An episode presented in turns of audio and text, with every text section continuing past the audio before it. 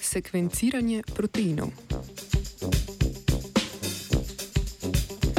Nizozemsko-ameriška znanstvena naveza v reviji Science poroča o nanopori, s katero so lahko večkrat določili aminokislinsko zaporedje istega proteina. Večkratne meritve istega proteina so namreč močno izboljšale zanesljivost določenega aminokislinskega zaporedja, kar omogoča razlikovanje med zelo podobnimi proteini.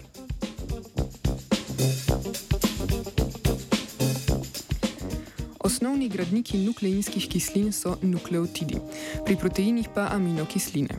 Molekuli DNK in RNK sestavljajo po štirje različni nukleotidi, proteini pa so sestavljeni iz 20 aminokislin, ki pa jih celice lahko še dodatno kemijsko spreminjajo.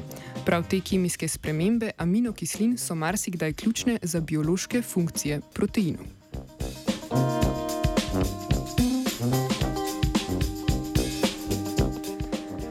Nukleotidno zaporedje nukleinskih kislin določamo že več desetletij.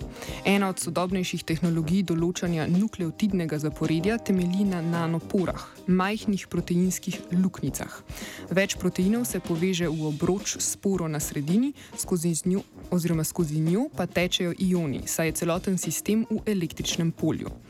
Pri tej tehnologiji encim, imenovan helikaza, potiska molekulo DNK skozi nanoporo. Molekula DNK deluje kot ovira v pori, zaradi nje se spremeni tok ionov, ki tečejo skozi poro.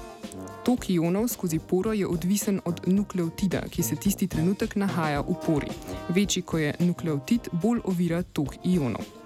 Z merjenjem toka ionov je zato mogoče določiti, kateri nukleotid je v določenem trenutku prečkal poro, ti podatki pa nam povedo, kakšno je nukleotidno zaporedje molekule DNK.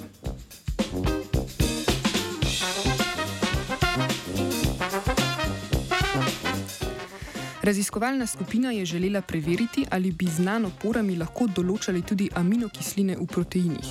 Najprej so protein sestavljen iz 26 aminokislin sklopili s kratko verigo molekule DNK. Verigo DNK so potrebovali zato, da je encim helikaza zagrabil sklopljeno molekulo, saj se veže le na molekulo DNK, ne pa na proteine. Helikaza je najprej skozi poro potisnila verigo DNK nukleotid za nukleotidom. Ko je prišla do proteina, se ni ustavila, temveč je skozi poro potisnila tudi protein, aminokislino za aminokislino.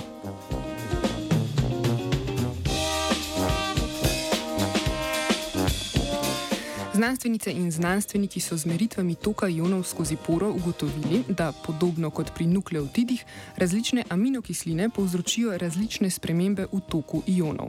Da bi razbrali, katera aminokislina je v danem trenutku prečkala poro, so si pomagali s simulacijami molekularne dinamike. Z njimi so izračunali, kolikšen je ionski tok skozi poro, ko je v njej določena aminokislina. Določitev aminokislinskega zaporedja so naredili zanesljivejšo tako, da so analizirali povprečje meritev več prehodov iste molekule skozi nanoporo in ne le en prehod. Na tak način so lahko zanesljivo razlikovali tudi med dvema proteinoma, ki se med seboj razlikujeta le v eni aminokislini.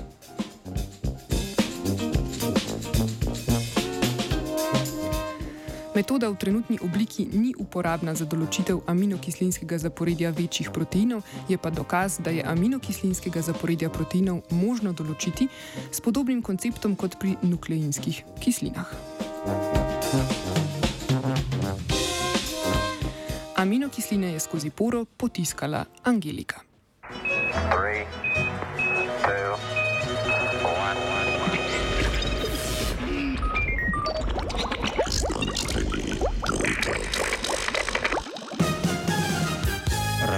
estudante.